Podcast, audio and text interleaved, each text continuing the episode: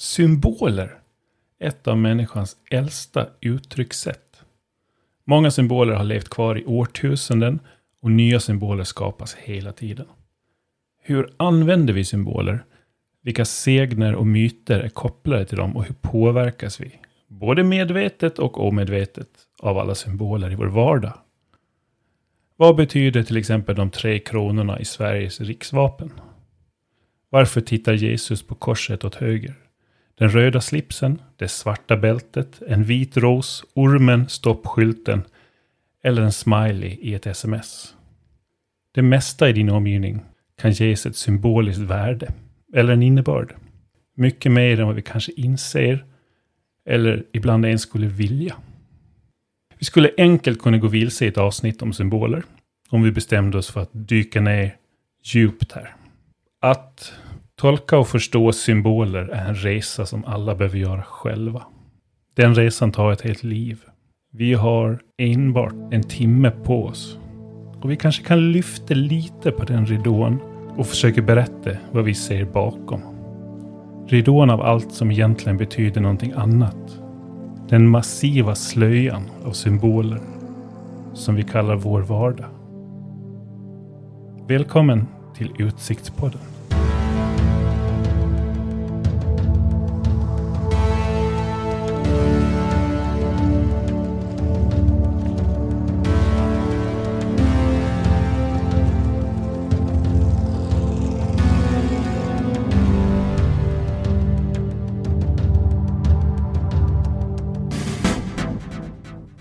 Innan vi börjar prata om djungeln kring symboler så tänkte jag reflektera lite över podden.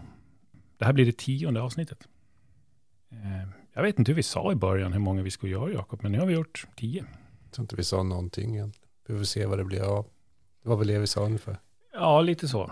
Vi har, eh, när jag skapade podden så fick man en sån här, en möjlighet att, vill du kunna ge lyssnarna en möjlighet att eh, stödja podden? Och det är någonting man, man klickar i och sen så, ja visst, absolut. Sen så efter ett tag så gick jag in och kollade och då har vi faktiskt eh, Monty har varit inne och gett oss 100 kronor och vill att vi ska fortsätta prata om, eh, inte så mycket mord, men eh, historia och så vidare. Jätteroligt. Och de här 100 kronorna, de kommer vi att köpa, vad ska vi köpa? En flaska vin och fira det här tionde avsnittet med kanske. Väldigt snällt Monty att du gav oss din veckopeng. Ja, ursprunget var egentligen varför jag ville göra det här. Det var två grejer. Dels vill jag eh, visa för omvärlden vilket eh, geni du är på historia, Jakob, tycker jag. Nej, det vill jag inte påstå. Den andra anledningen, som kanske är lite längre och lite mer komplicerad, är att det började för ja, ett år sedan, om det inte var mer. Jag var på en eh, utbildning, en masterclass i presentationsteknik. Man lär sig att stå och prata framför publik eller kamera. Och man spelas in och man får hela tiden feedback av en grupp. Det är ju ett eh, stålbad. Eh, ganska jobbigt men utvecklande. Någonstans i den processen så kommer läraren fram till mig och ska ge mig lite feedback. Och så säger hon, har du aldrig funderat på det här med podd? Du borde nog ha en podd primalhjärnan i mig tänker ju Jesus, hon måste tycka att jag ser ut som att jag har varit med i en trafikolycka eller någonting. Men hon fortsatte förklaringen med att hon tyckte om min röst och trodde då, sa sig tro att ja, men den passar nog i en, i en podcast. Du borde prova det. Jag kunde inte acceptera det. Och jag kommer på mig själv, varför kan jag inte det? Ja, det finns mycket jag inte gillar med mig själv Rösten är verkligen en sån grej. Jag avskyr hur jag låter. Jag tycker inte om hur jag ser ut. Men rösten är nog ännu värre. Som att det bor lite självförakt. Och inte så lite heller. Men jag har oftast en ganska stor drift i allt jag gör. Jag skippar sånt. Jag bara kör på. Men så tänker jag, men om jag försöker ta hand om det här då? Om jag försöker att självmedicinera mig själv. Försöker att påbörja en resa med att acceptera hur jag låter. Vi börjar där. Och då tänker jag, ja, podcast, man spelar in avsnitt efter avsnitt. Man tvingas lyssna på sig själv i redigering om och om igen. Kanske skulle det kunna leda till någon form av lite mer acceptans åtminstone. Nu såg jag ganska nyligen på ett avsnitt om eh, Friends Reunion. De spelade in under tio år, tio säsonger. Och vissa av de skådespelarna kan ju fortfarande inte se sig själv på tv. Så, så det verkar som att det kanske inte är en sån effektiv metod. Men tio avsnitt i alla fall.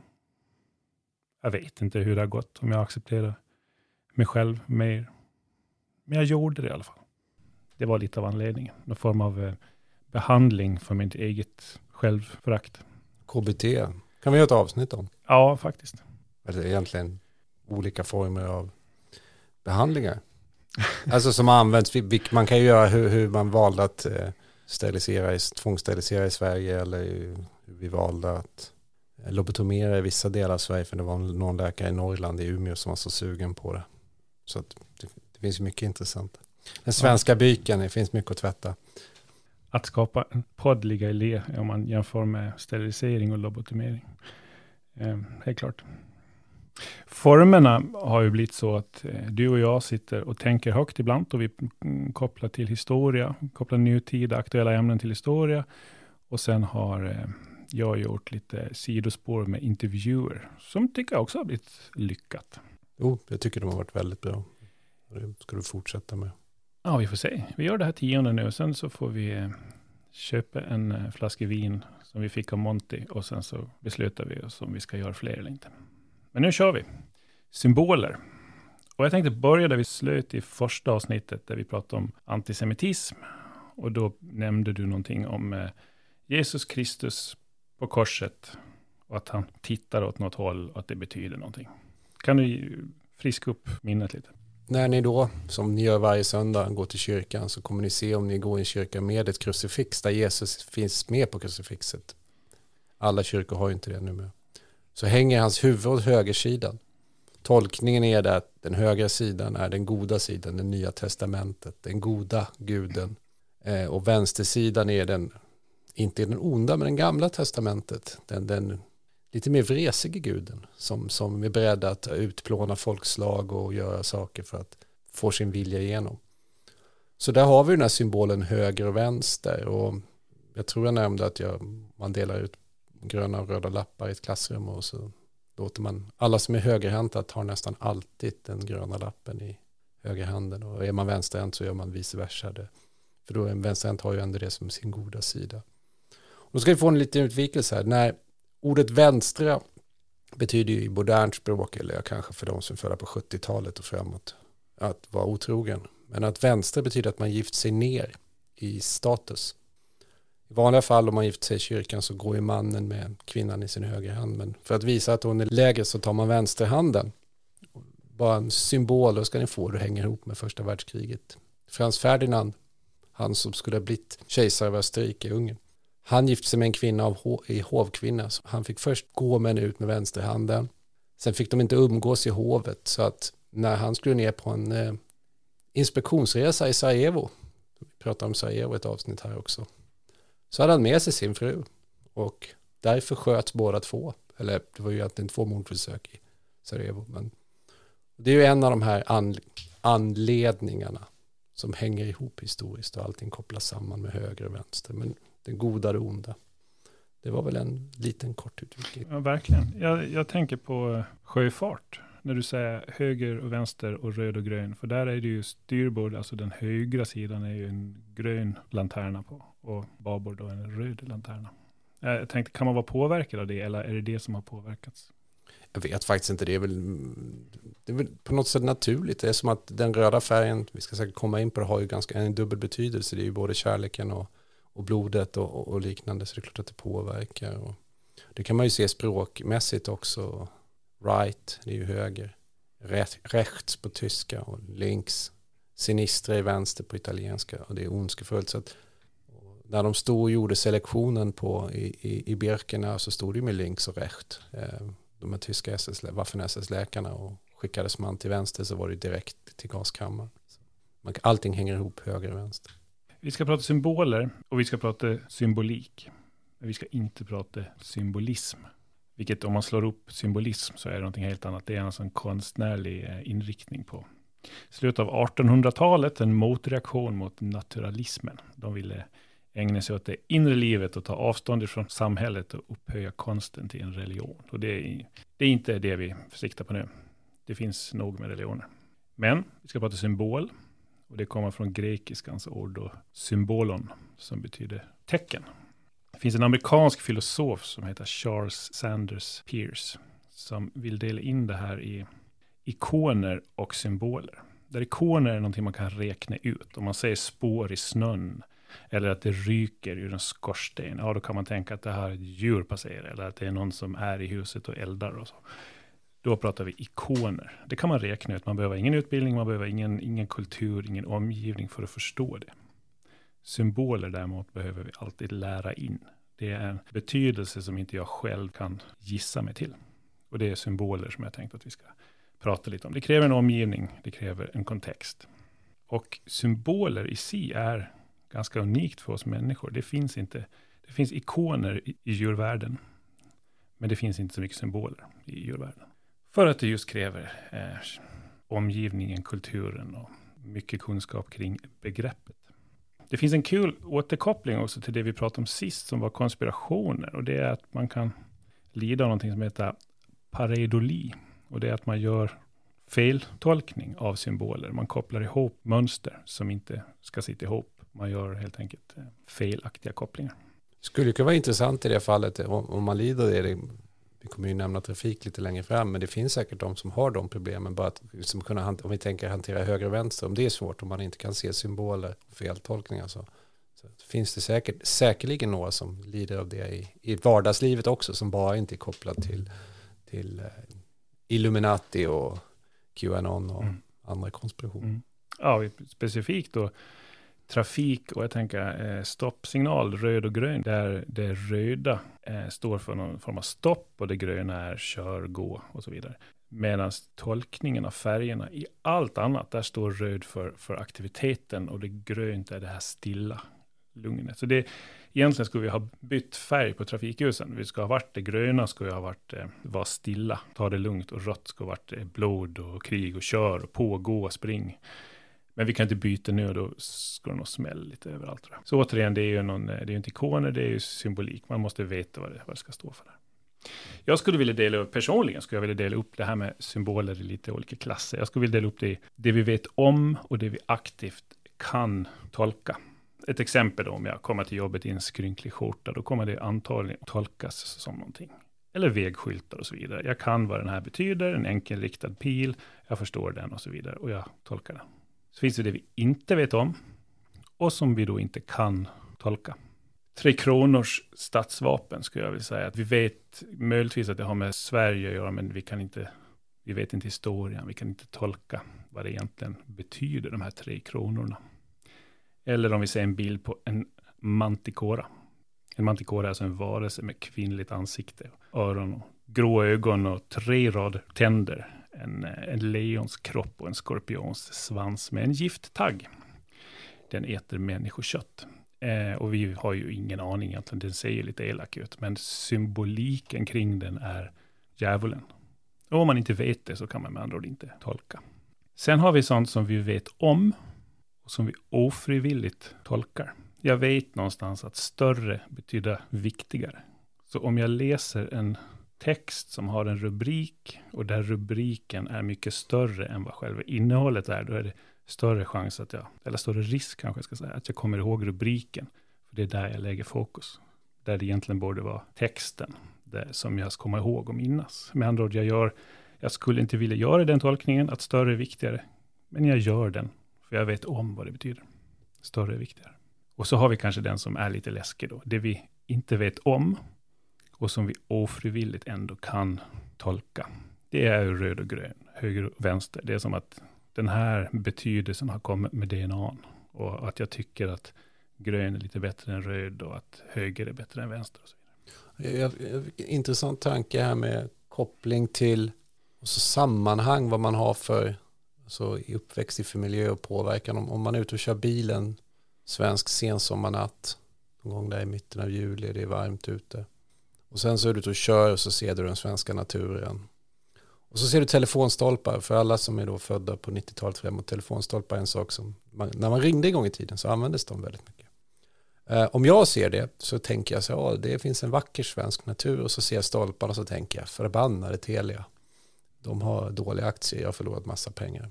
Men om man då är religiös, ponera att man är, man, är, man är kristen, så ser man de här telefonstolparna, så ser man att det där ser ut som ett kors. Och så tänker man på den svenska naturen och så börjar man reflektera över Guds närvaro överallt och hur, hur vi, vi är en del av skapelsen och att Gud finns överallt. Och det är viktigt att alltid, det här hur vi uppfattar saker, det är ju det som är det kanske det medvetna eller omedvetna, men det är ju alltid vad vi har för, för bakgrund. Det var bara en kort reflektion. Ramlar du tillbaka på det här pareidoli, feltolkning av mönster som inte finns? Ja, hur som helst. Um, och nu står vi inför det faktum att vi ska prata om symboler och det är ju eh, som jag sa i inledningen, det tar ett helt liv att egentligen lära sig och reflektera över alla symboler och så. Men vi kan väl ta en liten bildlig promenad i symboldjungeln och reflektera lite tillsammans. Vi skulle kunna börja prata om bokstäver och siffror. Det är ju ett, eh, ner på den mest grundläggande nivån. Vad är en symbol? Jo, det kan vara bokstaven E. Jag kan inte lista ut den om jag inte kan läsa och skriva. Men när jag har lärt mig det så vet jag att det här uttalas så, den, den står för det här. Spännande med siffror då. Jag tänker bara i ett modernt sammanhang hur den amerikanska konservativa högerrörelsen blir upprörda när de förstår att det är arabiska siffror de räknar med i skolan. Eh, vilket är såklart, det är ju inte de romerska siffrorna. Och, eh, och det gör ju också att det finns alltid olika djup såklart i betydelsen av siffror. Men, men egentligen, det, det, nu när ni såklart när ni sitter i era cabbade sportbilar och lyssnar på den här podden så, så är det ju ettor och nollor som är väldigt viktiga. Eh, för det är ju det som styr allting. Utan ettor och nollor så är vi inte här i etern, vad ni än är. Så, och sen så vet vi att vissa siffror som symboler såklart har påverkan. När det var som mest moralpanik på 80-talet så var ju siffran 666 väldigt farligt för det skulle vara odjurets tal och eh, det stämmer ju inte riktigt. Men, men det är intressant hur vissa symboler och siffror betyder väldigt mycket i våra liv. Och det beror ju såklart på vilket sammanhang. Och, så kan man ju tänka på typsnitt. Eh, det finns en historia att Hitler tog makten så, så ville de göra sig av med ett gamla tyska typsnittet som heter fraktur, som är ett medeltida typsnitt. Därför det ansågs som judiskt. Så då skaffade de ett eget typsnitt, eller ett, också ett gammalt medeltida som de hette antigon. Så då allting i Tyskland gjordes om till det här antigon-typsnittet. Och det säger lite om när vi pratar kultur, hur man kan, kan vilja utplåna symboler för någonting. Och då ska man förstå att innan Hitler tog makten under den epoken som kallas Weimar-epoken så hade man ett annat typsnitt som heter Futura som är det mest använda i Tyskland idag för det är symbolen för fri demokrati. Och det, det kan ju som lyssnare fundera på vad, hur vi gör med siffror och bokstäver. Vi använder oss av symboler för att stärka eller peka ut någon, vilket är ganska obehagligt att det är så enkelt att bara byta typsnitt. Till exempel, hur skulle ni uppfatta om en myndighet använder Comic Sans? Det skulle inte tas på allvar. Och det visar ju den lilla, lilla glidningen i typsnitt, hur, hur viktigt det kan vara. Jag tror det är siffran 9 jag, jag, jag, har inte kollat upp det innan. Jag sitter mest och tänker högt här. Men jag tror det är siffran nio som på japanska är samma ord som död. Och eh, det används då alltså inte som våningsplan på i hotell, på, på rum i Japan. Så man åker liksom sju, åtta, tio. Är det som siffra 13 på flygplan och sånt? Ja. Jag, jag hörde en historia av en, en Kina-kännare som jag jobbade med. Så han, han nämnde att när han skulle flyga till Kina så, så ringde han alltid upp till flygbolag. Han beställde biljett av ett kinesiskt flygbolag alltid. Och sen, som han sa det, så är det siffran 8 och 6 som är viktiga siffror i det kinesiska talsystemet. Så han gav alltid ett mobilnummer som hade massa 8 och 6 och då fick han alltid automatiskt bästa platsen på planet. För att de bara, det här är någon med tur. Så det, det är lite intressant. Att, och det, är, det som Ingmar säger, det är variationer mellan kulturer är påtaglig. Så det, det, är inte så att det är likadant med siffrorna i alla länder. Jag ramlade en gång ner i ett riktigt symbolträsk. Det var då jag bestämde mig för att jag ska tatuera mig. Jag ska tatuera lite på armarna så att säga. Och eh, då sitter man där och så börjar man att googla och vad ska jag ha för bild och vad ska jag ha det? Och så går man in på sådana här saker som man aldrig skulle ha hamnat innan. Till exempel vad betyder en uggla? Om jag nu tar en uggletatuering, då vill jag ju veta vad den står för, vad den representerar. Och det här är ju ett hål man kan ramla ner i, alltså enormt. Jag, jag vet att jag var, jag satt och tog reda på varenda detalj om det som skulle vara på min ena arm. Så att jag nästan kände att jag blev, jag blev utbränd på symboler, vad allting skulle betyda. För jag ska ha en förklaring så fort någon frågade om vad, vad står det här för och vad betyder det här. Så skulle jag ha en, en riktig härlig historia att bjuda på. Vilket man sen upptäckte att det är ju aldrig någon någonsin som har frågat om någonting om mina tatueringar. Det är ju lite onödan egentligen. Men, och det, jag kommer ihåg att när jag sen skulle tatuera den andra armen, så då var det liksom mer, äh, kör på bara, bara skriv dit någonting, så jag till tatueraren. Då, då la man mindre betydelse. Men då är det ju, återigen, vad allting som har med tatueringar att göra är ju symbolik. Ja, det, jag, jag, tycker det är intressant. Vi, vi, det, vi lever ju i, ja, om vi tar Sverige, världens mest tatuerade land, alltså om man ser per capita. Eh, det började väl på, på 90-talet och sen har det ju fortsatt och fortsatt. Men, men det är ju intressant för det började med tribal, med svart, eh, alltså allt som inte var de gamla sortens tatueringar. Sen började det samla färger och nu är vi tillbaka i... Ja, nu är det old school. Ja, old school. Ja. Nu är det tillbaka i så hjärtan och lite 50-tals tatueringar. Så det är ju det, det som då symboliserade sjömän, eh, de som var, ska vi kalla det för ett utanförskap i samhället, nu är det ju inte så i Sverige. Sen så kan man ju säga, det finns ju alltid nivåer om de som kanske tatuerar sig i ansiktet och på halsen och då, har, då kan man ju inte ens gömma det, det, det symboliserar det men Hela tiden, man kan inte stoppa den symboliken. Nej. Nej. Nej. men det är väl likadant med hur ord används på, jag menar, tänk om en kinesisk symbol som betyder någonting som är, man blir utskrattad om man är i Kina eller om man använder citat som är fel, där de som har tatuerat har tatuerat citatet fel. Det finns ju massa sådana saker. Så, så, men det, det är väl där vi är. Det ska bli spännande att se vad som händer när dagens tioåringar är 25. Ja, om tio år då tror jag det är verkligen inne att vara så ren som möjligt. Det är bara en gissning, men allting går ju i cykler. Det är som mode. Ja, ja det, ska, det ska se. Det kanske är så att en sociala media närvaro är det som blir tatueringen. Alltså man, man, man på något sätt skapar sig en identitet utifrån vad man kanske är på sociala medier mer än den identiteten som är mer, dock är det ju mer permanent med tatueringar, men, men vad vet vi? Eh, det finns två andra herrar i historien som har varit väldigt intresserade av symboler och gärna i kombination med drömmar. Och då pratar jag Freud och Jung. Ja, de är ju portalfigurerna där. Verkligen. Det intressanta är att drömtänkande har vi alltid hållit på med och drömtydande har vi alltid hållit på med. Freud är ju den som är kändast, han skrev uttryckligen om, om drömtydning. Jung hade ju också med det.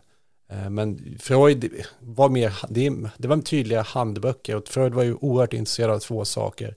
Aggressionsdrifter och våld, eh, vålds och aggressionsdrifter och sex. Så mycket tolkas ju till, det här är tidigt 1900-tal så det är ju en tid när man är, kan man kalla det för, där det var väldigt spännande med mycket sex och han, han drev ju igenom det. Att all, all, drömde man om sin mamma, då ville man ha sex med mamman på den nivån. Men drömtydning finns ju, det är, det är, ju, det är ju symboler, det är ju en tanke. Vad har vi i vårt undermedvetna? Hur påverkar det oss? Eh, vissa människor kan ju göra så här, om de drömmer att det kommer hända mig någonting i veckan så kanske man inte flyger. Så drömtydningen finns ju än idag i, i våra system och det är ju en del av den moderna media, tv och filmer om en liten stund ska vi prata om arketyper och Jung jobbade ju mycket med arketyper också. Eh, alltså symboler som är lika i alla kulturer. Jag tänker på den goda eller visheten. Det kan vara, det är den gamle mannen med grått skägg. Gandalf till exempel. Det är ju, Gandalf eh, liknar ju ganska mycket bilden av Gud i kristendomen. En annat exempel är, är trickstern, den som är lite så här glider emellan. Loke, som man inte kan lita på men är lite ändå rolig. Så att arketyper är ju symboler som också kan kopplas till dem vi drömmer om. Så. Mm. Det är jättespännande med arketyper. Jag började ju egentligen mitt yrkesverksamma liv inom teatern. Länsteatern på Gotland. Men jag gick också kurser. Jag gick en, en utbildning i italiensk gatuteater, Commedia dell'arte. Och av alla utbildningar jag har gått i hela mitt liv så ska jag, så konstigt nog så är den här utbildningen någonting som fortfarande ligger kvar i medvetandet. För det handlar om arketyper, men man ska tolka de här arketyperna enligt symbolerna, vad de står för. För att nämna några då, det finns det, egentligen den huvudkaraktären som oftast brukar använda heter Harlequin. Det är den här fattiga, ofta oberäkneliga eleven som är på väg att bli mästare.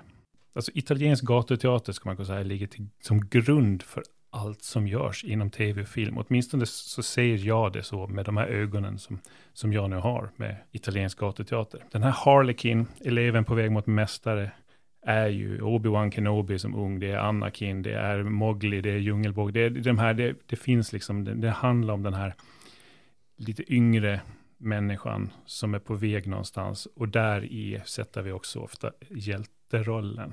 Vi har vi kan ursäkta dem att de är lite klumpiga och att de gör lite fel och så, för de är ju så söta och de, de är så goda i hjärtat och så vidare. Och så har vi Columbina, den söta, som ofta då kommer fram som Harlequins flickvän.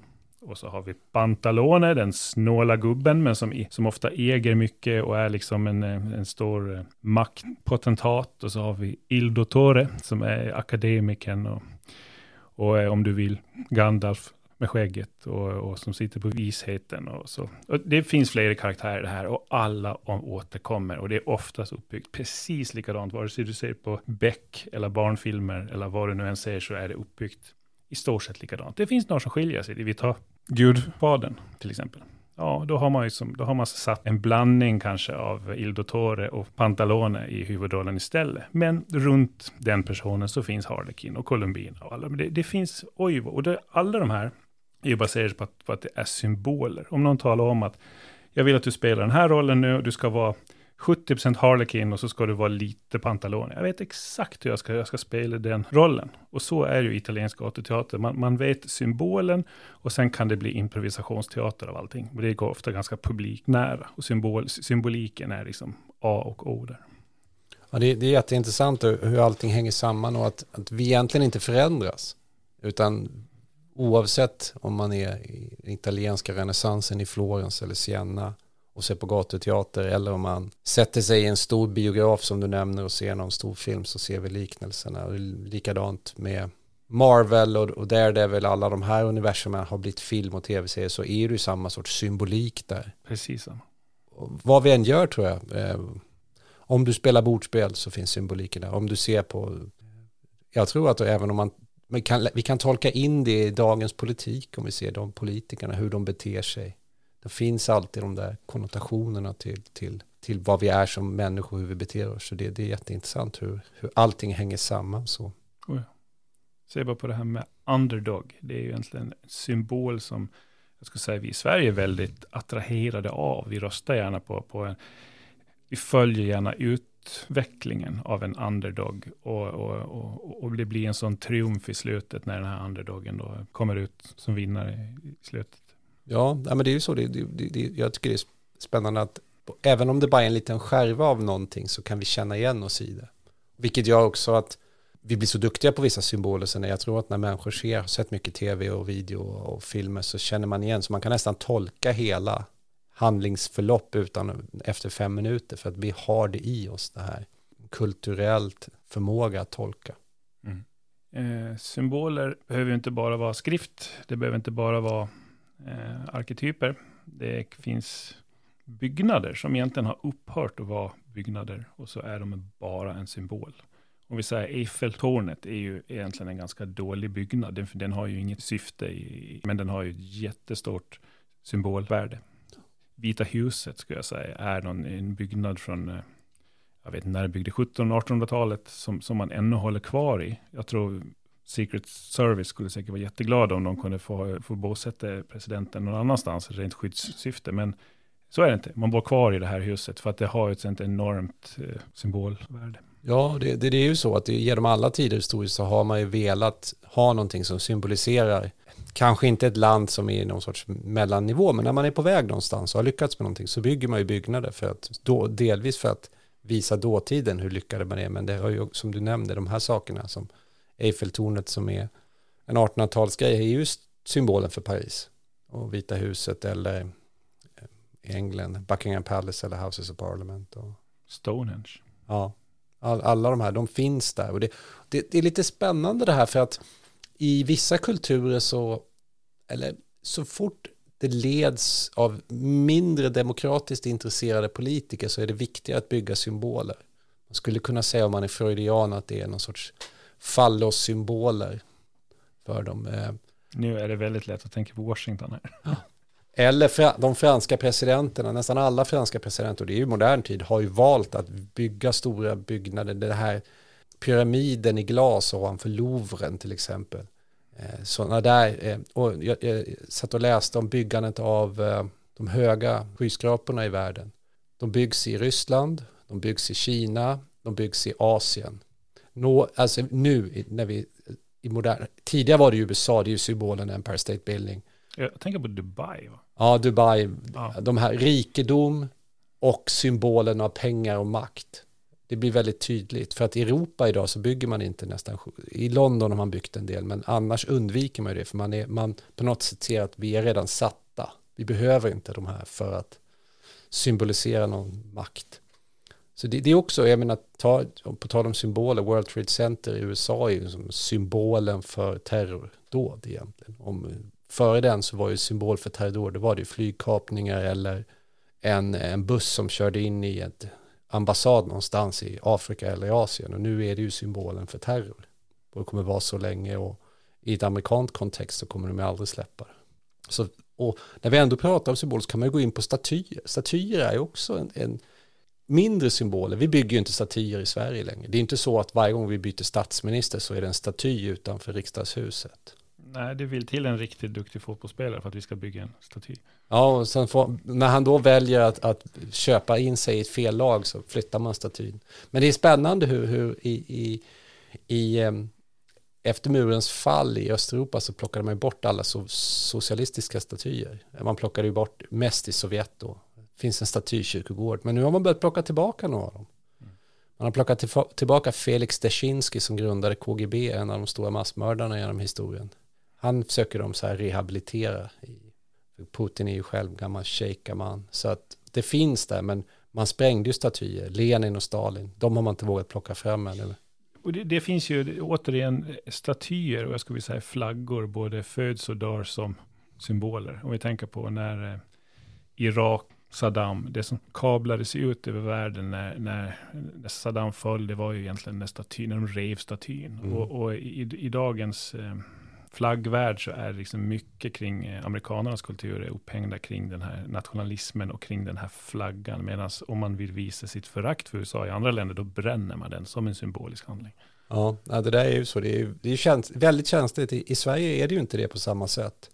Eh, det har ju varit det en gång i tiden, men det har ju förändrats. Det, det, har inte samma symbolvärde, men det är som du säger, i USA är flaggan en amerikansk politiker som inte står med en amerikansk flagga och pratar, då är han ju, kan han inte vara så illa så att han är liberal och äh, gillar Europa.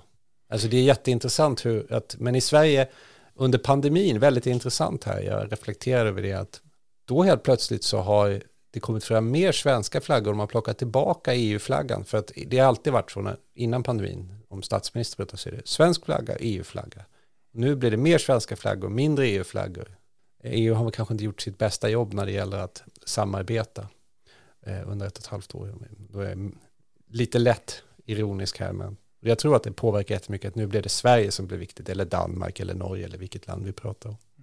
Jag har läst lite om en författare som heter Chris Hedges, och han har skrivit om eh, Imperium, hur de har eh, uppstått och hur de har trillat ihop genom åren och så. Och då, om man tänker Europa som ett imperium, vi är ett, enligt han då ett moget imperium. Vi har ju hållit på i tusen år med, med det här. Vi, vi har kommit långt, vi har haft våra stora krig, eh, vi har hamnat i någon form av eh, norming. Medan eh, det finns nyare imperium, som USA är ett, ett eh, väldigt nytt imperium. Det är lite kul när du säger det här med att man, de håller fortfarande på att bygga statyer och höga byggnader och flaggan är jätteviktig medan vi då är ett moget imperium där det kanske inte prioriterar sånt längre. Nej, det, det hänger nog ihop att ja, Europa har ju haft, jag menar, EU, skapandet av EU var ju egentligen so far slutet på, på de stora europeiska krigen. För sen, det var ju en lång period, det var ju som du säger tusen år av krig eller mer.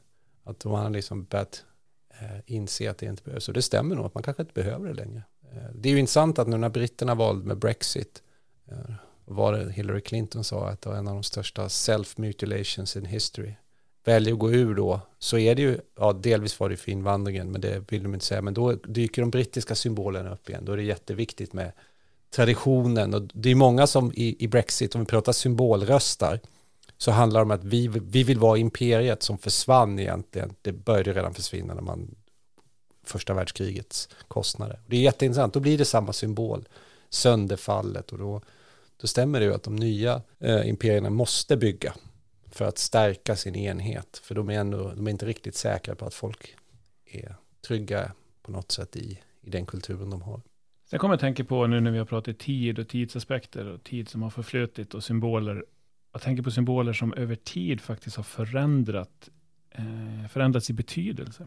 Jag vill ta ett exempel där, järnkorset. Om vi börjar från början så är järnkorset är någonting som instiftades i Preussen på tidigt 1800-tal och som delades ut som tapperhetsmedalj då i samband med tyskarnas återkommande bråk med Frankrike, eller hur?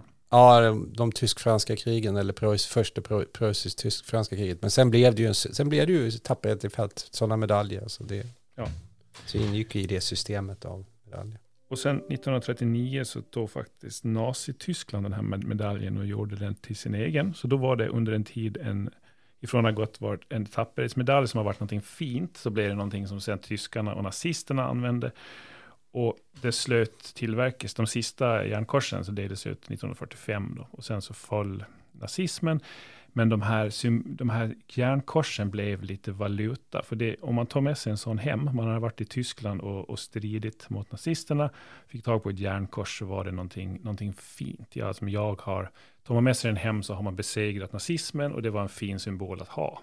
Och den togs ju upp av eh, veteraner till exempel som då grundade Hells Angels. Så många av de veteranerna har varit med i andra världskriget och så, så blev det en, det söks det upp lite av Hells Angels och motorcykelkulturen och även nu på senare tid då eh, har använts av eh, hårdrock, Motorhead och så. Och, det, och fortfarande så uppstår det här ibland att vänta nu, det här korset, det är väl en nazistsymbol. Men det är ju inte det längre nu, utan nu är det snarare tvärtom då, att någonting man har besegrat nazismerna. Och nu, nu har det flyttat till, nu är det bara balt, någonting, jag vet inte. Ja, det är ju, det är ju egentligen en utsmyckning tror jag. Jag menar under punk, punkrörelsen på 70-talet var det ju väldigt mycket sådana järnkorssymboler man använde det. Och som du nämnde Motörhead, var ju, Lemmy Motörhead var ju väldigt förtjust i, i, i tysk, tysk regalia. Det finns en annan intressant historia på tal om tyska medaljer. Det är att de, den tapperhetsmedalj som användes ända fram till Hitler tog makten var, hade hette Pour le Mairie Sen bildades av den preussiske kejsaren Fredrik den store, tror jag, Fredrik den andra på 1740-talet. Eh, så de hade en ta tysk tapperhetsmedalj genom hela första världskriget. Den finaste man kunde få var franskt namn på. Vilket är jätteintressant hur det här med språk, och det är viktigt att förstå, språk var inte viktigt på 1700-talet man, man, språktillhörigheten var mindre intressant för man var preussare, man bodde i Preussen, man pratade tyska, men om medaljen hade ett franskt namn. Så det är jätteintressant, det är ju en symbol för språket förändras till en markör för nationalism under 1800-talet. Mm.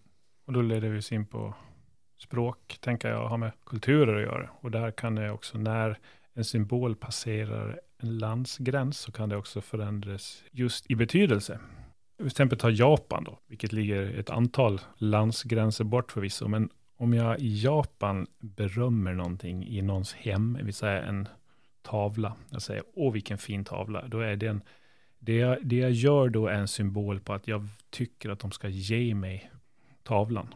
Det är som att säga att jag, jag vill ha den här tavlan ni har på er vägg. Så där, där går man inte direkt och säger vilken fin sån här ni har, eller vilken fin fru du har. Eh, Italien så, kan en, eller så är en vit blomma förknippat med döden. Det är alltså ingenting som man ska ge bort som en vänskapssymbol. Det är en begravningsblomma, ingenting annat. Kon till exempel, den är, den är helig i hinduismen. Det betyder att man är rik om man har en ko i Sudan. Och här i Sverige så är man bara en vanlig lantbrukare. Det, det, jag tänkte på det med Japan, det, det finns på tal om symboler, det att eh, i i den västeuropeiska affärsvärlden så, så är det så att de som har det, de som är på toppen, de har fönsterplats. De har de här, de sitter i, de säger att du sitter i våningsplan. den högsta chefen har det stora rummet ut mot utsikten. Men i Japan är det tvärtom. Så den som är, är ledare sitter i mitten i huset. Så många västeuropeer som har kommit till Japan, de har hamnat på fönsterplats och varit jättenöjda. För de tänkte, gud, det här, nu går det bra. Men i Japan så, så har man ett annat sätt att se. Centrum är hierarkiskt bäst. Vilket är, kan vara lite intressant. Och det är ju egentligen också hur man tolkar vad är viktigt. Är det viktigt att ha en snygg utsikt eh, som det har blivit i Västeuropa eller är det i, i mitten? Men det där med blommor och färger, jag menar den vita färgen är ju, det används väl ibland i begravningar, men, men det, är ju, det är ju egentligen en så här, vi ska ju komma till färg, det är ju liksom renhet, oskuldsfrihet. Eh, det också, men du ja. tänk bara på den vita slipsen här i Sverige. Ja. Och det är, återigen, det har Sverige gjort sig som en bubbla, för det är bara här i Sverige vi har vit slips, som betyder att jag är en nära anhörig. Och då, gör man, då öppnar man också upp för möjligheten att ta på sig en svart slips, som då talar om att jag står inte den, den som har avlidit, jag står inte den nära om man har en svart slips. Nej. Eh, men det är bara i Sverige. Åker man så långt som till Finland så har de inte det här. Nej, men det är ju, det är ju lite intressant hur, hur man har skapat kulturella markörer. Och sen så vet man förmodligen inte var det kommer ifrån. Jag menar, hur många svenskar är det som vet att, eh, att slipsen kommer egentligen från Kroatien? Jag menar, kravatt är ju slips. Och de kroaterna, kroatkravatt, horvetska. Så de hade, deras soldater hade knutna eh, som slipsar, fast inte slipsliknande. Sen spreds det långsamt till slipsens, slipsarna har ju en oerhörd betydelse eh, som en markör idag i världen. Så.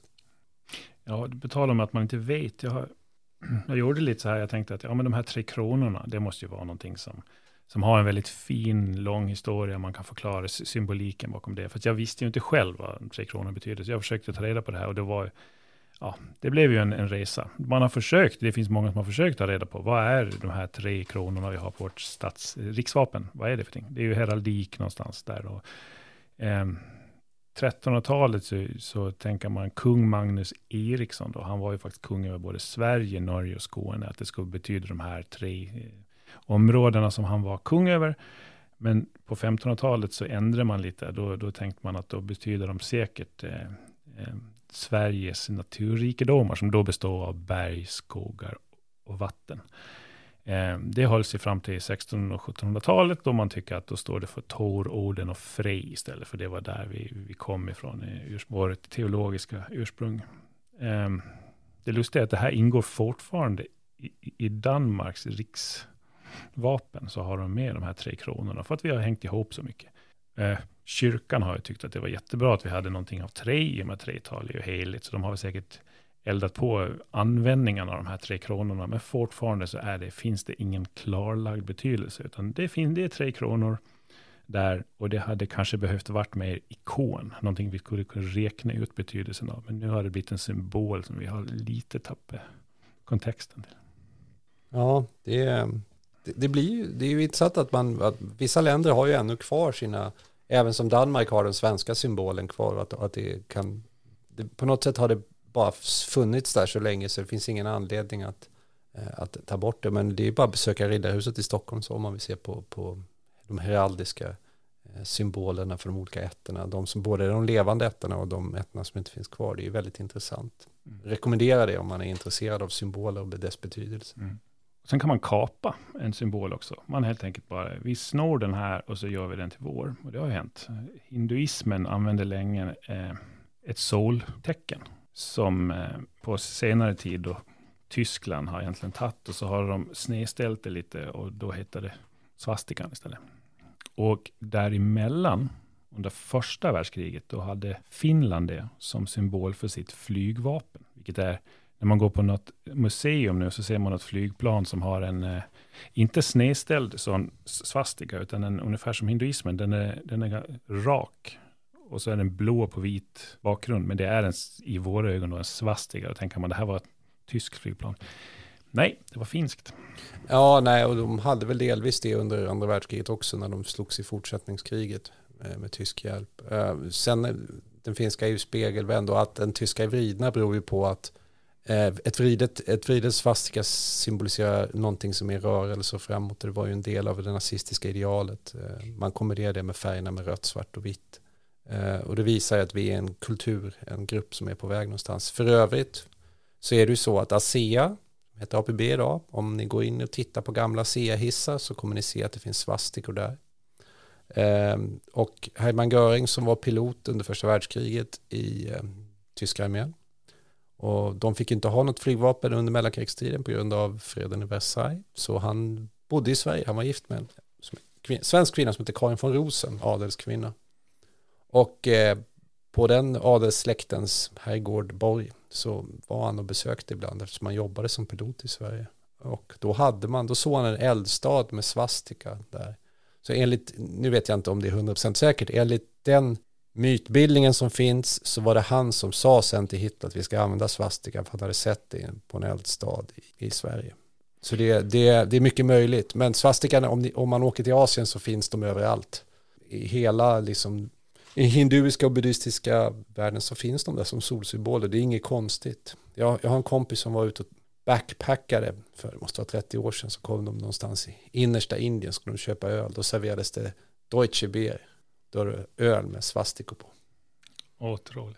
Så har vi kända symboler såsom dödskallen och piratflaggan och så vidare. Och där är väl, eh, det är nästan på gränsen till att det kanske är ikon i vissa fall. Pirat då är det ju liksom, kom, in, kom inte nära mig, det är en dödskalle med knotiga ben. Det, det, det går ju nästan att räkna ut vad det, vad det står för. Men sen har vi då när den kanske, får, när en dödskalle förekommer som en eh, tatuering och, och å andra sidan då är det ju återigen en symbol då för memento mori. Kom ihåg att du är dödlig. Ja, det, är ju, det är ju intressant att det både symboliserar någonting farligt men även någonting som är naturligt för människan. Eh, alltså dödskallen är ju det vi blir av när, när till slut så vi har ju allihopa våra skallar och sen finns det ju den här kopplingen till, till Totenkopf, alltså dödskallen som användes symbolen för, för det som var Waffen-SS-förbanden hade sådana dödskallar på sina kragspeglar men det intressanta är att det är också ett preussiskt. Men det målet låter som en ikon då, mer som sjörövarflaggan. Ja, det blev ju det. De använde ju det. Eh, och den användes ju. Den kommer ju också från Preussen. Du har ju nämnt järnkorset. Det är ju ulanerna som har beridit ett rytteri. De hade eh, hattar i liksom någon form av pälshattar med stora dödskallar längst upp. När de red till strid. Så det är inget, någonting som Hitler har tagit ut tomt. Utan man tog bara en gammal tysk preussisk tradition. Det är ju så symboler fungerar. Du. Och sen så finns de kvar. Fast dödskallen idag så är det ju mer. För en generation som läste Fantomen så kanske det är den onda ringen han bor ju i dödskallegrottan också. Vidare, religionen har ju, står ju för en stor del av symbolerna. Vi, vi kan ju inte gå in i det. Då blir det nästan ett eget avsnitt. Men, men så är det. Så fort du går in i en kyrka så överflödas dina sinnen av symboler. Det är egentligen en, en, ett museum för symboler kan man ju säga lite snitsigt. Går du in i synagoga så finns det tolv fönster. Tolv judiska stammar. Ja, det går ju tillbaka på Moseboken. Det var ju Abrahams barnbarn, eh, Israel som, som blev Jakob, han hade ju tolv söner, så det är de ursprungliga judiska stammarna, det är en klassisk sån här religiös koppling eh, i en synagoga. Som inte är, det är ju ett församlingshem egentligen, en synagoga, det är ju inte ett tempel som en kyrka, det fanns ju bara ett tempel och det fanns ju i Jerusalem. Det finns ju inte kvar nu, bara västra väggen som är kvar, det är där de ber. Eh, men, men det är intressant, du nämnde kristendomen, Eh, I den katolska kristendomen så är det oerhört mycket symboler, oerhört mycket målningar. Man har de, så här, de olika stationerna, Jesus lidande stationer, han kors, hela vägen från Pontius Pilatius hela vägen upp till korsfästelsen. Så att besöker man en katolsk kyrka så finns det målat och anledningen, det är ju på grund av en annan sak. Latinska språket är ju det man nästan alltid har som språk i den katolska kyrkan när man lyssnar på mässan. Och under lång tid kunde ingen, folk kunde inte läsa och förstå det. Så därför var man tvungen att ha målat i kyrkorna. I den svenska protestantiska kyrkan så har man färre symboler. Eh, till och med inom vissa delar så har man målat över i den kalvinistiska och vissa former av den protestantiska kyrkan. Man, man ska bara tänka på Gud, ingenting annat. Då är det bara vitt på väggarna. Man gjorde så i Sverige, vi målade över gamla medeltida målningar med, med, med kalk. Det kan säkert också bero på att det finns en, eh, när vi införde kristendomen i Sverige så var ju asatron det som, det som gällde. Och, och när man då började bygga kyrkor, man började med tre kyrkor som brändes ner och sen så började man med att bygga sten, egentligen av en sån anledning, man vill inte att det ska vara så enkelt att bränna ner det. Och då målade man också eh, insidan av kyrkan. Och för att man kunde inte bara rensa ut de gamla gudarna och sen sätta det här, det här gäller nu, det där är gammalt, utan man var tvungen att göra en, en migrering helt enkelt. Och det finns fortfarande kvar där man, där man kan se målningar till exempel, där Moses då fick skjuts upp på berget av orden och hans vagn och så vidare, där man har blandat liksom de här kristna symbolerna med asatron och så mycket spännande. Det var ett smart drag, religiös synkretism. Bygger, bygger templerna eller kyrkorna ovanpå de gamla kultplatserna och, och behåller delar av symboliken kvar, då kan man liksom få med dem över. Det är, det är så det fungerar när man ska skapa eller, om, eller på en hel nation att ändra religiös uppfattning, vilket tog lång tid förstås. Men Ska vi slå ihjäl en myten om en symbol också, då tycker jag vi tar midsommarstången. Det finns ju en, en skröna, som att det kommer från asatron och att det är en fallus som är nedsticken i jorden och eh, görs vid tiden för då seden ska ut i jorden och så. Det, det låter väldigt eh, koncist, det låter som någonting man faktiskt skulle kunna tro på. Så. Men, men det har ju bevisats nu att det är en tysk kristen eh, rit. Det, det, är ett kors helt enkelt, tyvärr. Ja. För det hade varit lite roligt. Det, det låter mycket roligare. Men ja, det har ju, jag menar, som du nämner, det är ju liksom fallossymbolen och befruktandet och sju blommor under kudden. Det finns ju någonting som, det här var då den möjligheten män och kvinnor hade att liksom umgås i, och dansa kanske ut, utan att vara gifta. Då blir ju midsommarstången en sån symbol också. Så. Vi har kläder, kläder och symboler. Vi har um i alla tider så har vi haft överklass, medelklass, underklass. Att det finns en klädkodex, eh, ibland inte så uttalad, men och jag tror till viss mån att den finns kvar. Vi har, det finns någonting speciellt med att ha märkeskläder. Det är inte bara priset, utan det är även en viss symbolik i det. Ja, det, det är väldigt tydligt med, med vissa märken, men det, det, kan bli intressant också att eh, vissa grupperingar väljer att ta märken och göra dem till sina egna, även om man inte tillhör en den rikaste gruppen eller den mest utbildade gruppen så tar man symboler och gör till sina egna och då blir det en symbol för det området där man kommer ifrån. Eh, och det är också lite, det är intressant hur det kan vara så att eh, idrottskläder symboliseras med fotbollshuliganer, det symboliseras med lite gängrelaterade verksamheter. Det finns ju ett märke som heter Fred Perry som är ett klassiskt sportmärke, han var tennisspelare som sen användes av skinheadsrörelsen som sen har tagits upp av engelska huliganer. Allting hänger ihop, det blir symbolerna hela tiden. Det finns ju fler symboler för just det, för samhörighet och inte kanske alla är ju så elaka som fotbollshuliganer, Mm. om vi tar regnbågsflaggan, hbtq, Cancerhjälpen, Rosa bandet, allting mm. det här är ju samhörighet. Ja. Vi har en, ett ganska roligt exempel som heter Majblomman. Det är många som säljer dem, det är många som köper dem, men kanske så skulle inte som man kunde svara på vad den egentligen står för. Några vet att det har med barn att göra, men det började som en insamling för tuberkulossjuka i Göteborg för många, många, många år sedan. Och sen nu har det förändrats till att man Eh, ska bidra till pedagogiska verktyg för årskurs 4 och 5 och inspirera lärare att motverka fattigdom i världen. Det är inte många som kan svara på den frågan, men en majblomma vill man ha. Ja, nej, men jag tycker det är spännande med, med symboler. Det blir ju så här, de här, de här, ska vi kalla dem för de goda symbolerna, som majblomman, då blir det ju ett sätt att visa att här, jag vill visa att jag är duktig och god. Jag köper en majblomma så sätter jag på mig den, då har jag gjort mitt. Sen vad jag sen gör spelar ingen roll, för då jag, och det är ju det här, symboler har ju den betydelsen. Det kanske dränerar ångesten hos människor att bara, ja, men nu har jag varit god. Och det är ju jätteintressant faktiskt att då blir det så här, ja, vissa gör det och vissa gör det inte. Men det där, så funkar ju symboler för oss, vad det nu än är. Om det är tillhörighet som är kopplat till att jag är fotbollshuligan eller om jag är om jag är ett parti som egentligen inte står för hbtq-frågor men ändå ska vara med i en Pride-parad, då är det ju betydelsen av symbolen som är viktigare än själva innehållet. Jag skulle vilja nämna läppstift och smink generellt som en eh, symboliskt område. Eh, man har hittat 5000 år gamla fynd av läppstift från gravar i Babylon. Och under alla de här tusen år, fram, åtminstone fram till 1800-talet, då var det som kraftigt blyhaltigt och direkt hälsofarligt att använda smink. Och ändå gjorde man det under alla dessa tusen år. Eh, omkring 1900-talet, kallt, då var det främst prostituerade och teaterfolk som hade smink. Där är det ganska enkelt att dra någon form av koppling, att läppstift var ett sätt att härma naturens egna signaler för sexuell upphetsning. Eh, eller upphetsning överhuvudtaget. Då hade man smink för att göra det.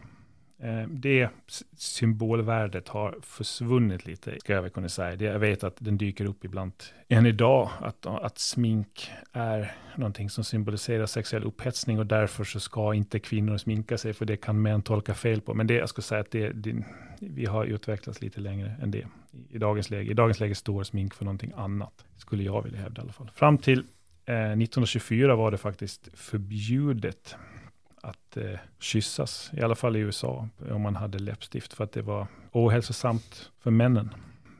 Guldåldern för läppstift kom med skådespelare under 40-talet, som skådespelare som Marlene Dietrich och Ingrid Bergman, de blev ju ikoner för det här röda läppstiftet och så, och så vidare.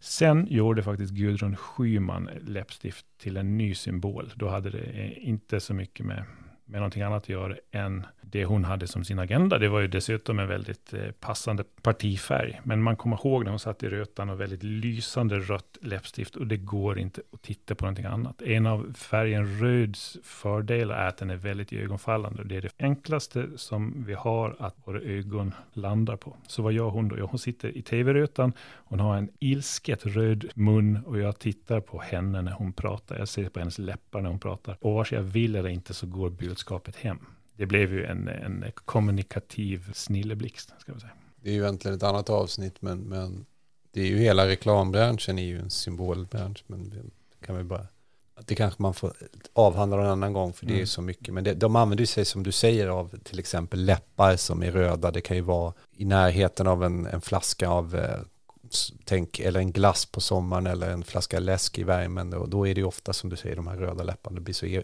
man, man väntar bara på att det ska drickas. Mm. Mm. När vi ändå är inne på färgen så tänkte jag berätta en annan utvikning. Och det är det här kampsportsbältet eller självförsvarsbältet. Man säger att någon har svart bälte i någonting. Och det är, det är så här att bälte på japanska heter obi.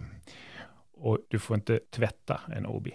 Men du får tvätta din dräkt däremot. Du får inte tvätta bältet. Nu för tiden gör man det. Nu dunkar man in allt i tvättmaskinen och sen så köper man de färgerna som man behöver. Men det gör man inte då på den tiden, utan då börjar man med att träna något år och sen, så det här bältet är helt genomsvettigt gult på väg mot orange. Och sen gör man lite utomhusträningar. Och då blir det gräsfläckar och sen så blir det skitigt och det blir jordigt och det blir geggigt och det blir, eh, det går mot mörkare. Det blev aldrig riktigt svart såklart i det gamla Japan, men det blev väldigt, väldigt mörkt. Så man såg någons grad på hur skitigt bältet helt enkelt var. Det är den historien. Mer om färger, så röd har vi redan varit inne på. Röd är ju en av de här eh, grundfärgerna så att säga. Det är den färg som ögat lättast registrerar. Det vet vi nu på grund av Gudrun Schyman. Det är en stoppskylt. Man använder det på brandsläckare, på Röda Korset och så vidare, för att det är en signalfärg helt enkelt. Till skillnad då från kanske grön, som är naturens färg. Det är liksom rekreation och vila och stå still och ta det lugnt. Ska man göra ett rum för konfliktlösning så är grön en ganska skön färg. Man känner sig lite avslappnad. Blått, en annan färg som man kan välja på eh, om man ska gå på en intervju till exempel. Man klär sig där, då, den kan uppfattas som att man är seriös, eller ordentlig, vilket också är populärt nu, gifte sig i blå kostym. Man vill att mannen där ska vara seriös i, i varför han står vid altaret och att han ska vara ordentlig. Violett, jag har en ganska kul historia, den eh, står för vördnad och värdighet och lyx och mystik. Och det är, kan man säga, för att den var exklusiv. Den är ganska svår att göra. Den kostar mycket att göra. Speciellt om du går tillbaka i historien så var den ganska svår att göra och den kostade. Och därför så har Violett ofta genom historien då klätt kungar och högheter. Andligt och spirituellt. Svart är ju också en av de här färgerna. Det är, den är ganska speciell för den symboliserar kanske sorgen och döden i vissa fall. Men nu på senare tid så i och med modevärlden också har gjort den till eh, att svart är aldrig fel. Svart är allvarligt och affärsmän bör kanske ha svart istället för en eh, komma till ett möte med en blommig klädsel. Men det, är, det är väl väldigt tydligt att ju mer seriös eh, företaget är, ju mer är det svarta kostymer som gäller. Kanske gråa. Jag tror inte till exempel, du nämner blå kostym, jag tror inte att SE-bankens huvudkontor, om de har ett viktigt möte så kanske man undviker det. Då ska man vara väldigt nedtonad i svart. Det är, det är väldigt tydligt att det ska vara så. Det blir ju, svart är ju en sån bra färg också. Den funkar ju egentligen på alla människor. Det är ju det som gör den så speciell. vissa färger kan vi ju inte bära till exempel. Men jag, jag tänker när du ändå nämner eh, bröllop, du ska ju inte gå på ett bröllop om du är gäst och bär rött till exempel som kvinna, för att då ska, du ska ju inte liksom stjäla uppmärksamheten från, från bruden. Den är ju den specifik så som färg, så det finns ju de här koderna som vi har med oss också. Jag tänker att symboler är likt värdegrund egentligen, det jag hade ett tidigare avsnitt om. Där jag hävdar att värdegrund är någonting du inte kan bygga själv. Du måste ha din omgivning med dig när man skapar en värdegrund. Att det är ju det som det handlar om, att alla tycker likadant. Eh, och det är ju då en värdering kan skapas. Först när det finns fler som håller med dig. Eh, och jag tänker att symboler måste ju byggas på samma sätt. Jag kan inte sitta här själv och komma på att den här, den här eh, ugglan ska betyda det här. Om det bara är jag som vet om det, om ingen håller med mig. Utan det, jag tror symboler måste skapas i eh, den kräver en omgivning och medskapare. Så det, den lever liksom sitt eget liv lite, i och med att det är så många inblandade i skapandet av en symbol. Ja, men det är de sociologiska aspekterna av, av kultur och språk, eh, religion, allting hänger ihop där. Vilka symboler som blir viktiga, om det är någon, vi blev räddade, eh, vi säger att det är religi kristen religiös, vi blir räddade eh, och vi hade ett kors med oss, så blir det här korset symbolen för hur vi blir räddade av fiender och liknande. Och det, ja. det vet man ju när korsfararna var i, i Jerusalem så höll de ju på letade efter svärd och ett, ett spjut som de skulle ha för att besegra fienden och så hittade de det och så var det ju egentligen inte så såklart inte det riktiga spjutet enligt deras egen mytbildning men då blev det symbolen för att vi besegrade. Så, att det, så det är ju som du säger, oavsett vad det är så, så måste man ju skapa det tillsammans. Mm. Och ur den aspekten att, det, att vi pratar symboler så kanske vi inte ens ska nämna det man, det man lätt kommer att tänka på, emois, kanske den, den sociala världen har medfört små tecken som man kastar till varandra. Men de är väl kanske egentligen inte symbol, för de går ju att lista sig fram till. En glad gubbe betyder att den människan på andra sidan är glad. Mm. Det, det, kanske är att auberginen kanske är lite svårtolkad. Nu vet vi att nu, man menar penis när man skickar en aubergine till någon. Men, men eh, jag... Men jag, jag tänker mer att de kanske en glad gubbe är alltid en glad gubbe eller så är det någon som har tagit för mycket eh, näsgodis. Eh, men annars, för mig blir de symbolerna, det blir, det, blir, det blir inte en symbol som, utan det blir en symbol för ett kulturellt agerande mer. Jag, tror, tänk, jag tänker så här, att i en digitaliserad värld, någon skickar ett meddelande till där man använder sig av tummen upp. Eh, vi använder oss av gilla, gilla-markeringen är oerhört viktig eh, som en symbol för människor idag. Och undrar om våra föräldrar eller farföräldrars relation hade, hur de hade liksom, och de bara, här sitter mina barnbarn, på en, tänk att man är på en arbetsplats, sitter i samma arbetsrum.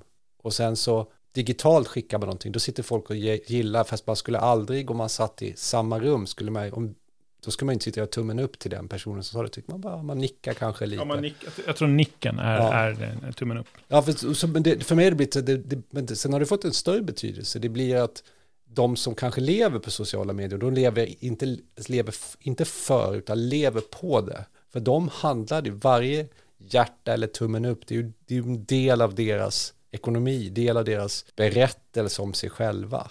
Då blir ju de här jätteviktiga. Eh, och det kan ju vara en, en 15-åring som vill få många likes på grund av någonting. För det kanske stärker självförtroendet. Så då blir ju symbolen blir ju en symbol för, och det är ju det är sånt jag reflekterar över, vad kommer hända om tio år? Jag tror att vi flyttar i våra liv till, eh, till socialt, vi träffar färre och färre människor, vi kommer väl göra det ännu mer efter pandemins slut.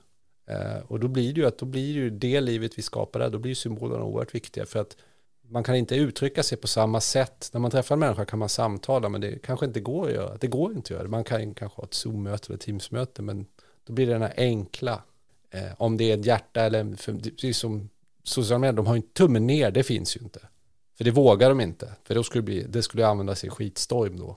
Så jag, tyck, jag tror att det är där vi kommer hamna, att symbolerna får ju ett, ett kulturellt värde och ett individuellt värde hela tiden för oss i den nya tiden. Och det är kanske den nya sortens symboler, som om hundra år så kommer de säga, ja de använder sig av hjärta väldigt mycket. Varför kommer, vad, vad betyder det för 2020-talets människor? Då kanske någon elak regim som har kapat hjärtsymbolen en nya tidens svastika. Nej, ja, ja, men det vet man ju inte. Det, allt, det är ju så, vi, vi använder oss av det. Det är ju så vi, vi förändras ju. Jag menar, du och jag som gick i samma klass, när vi var 15 skulle vi nog inte kunna tänka oss att man skulle använda sig av digitala symboler för att visa sitt gillande.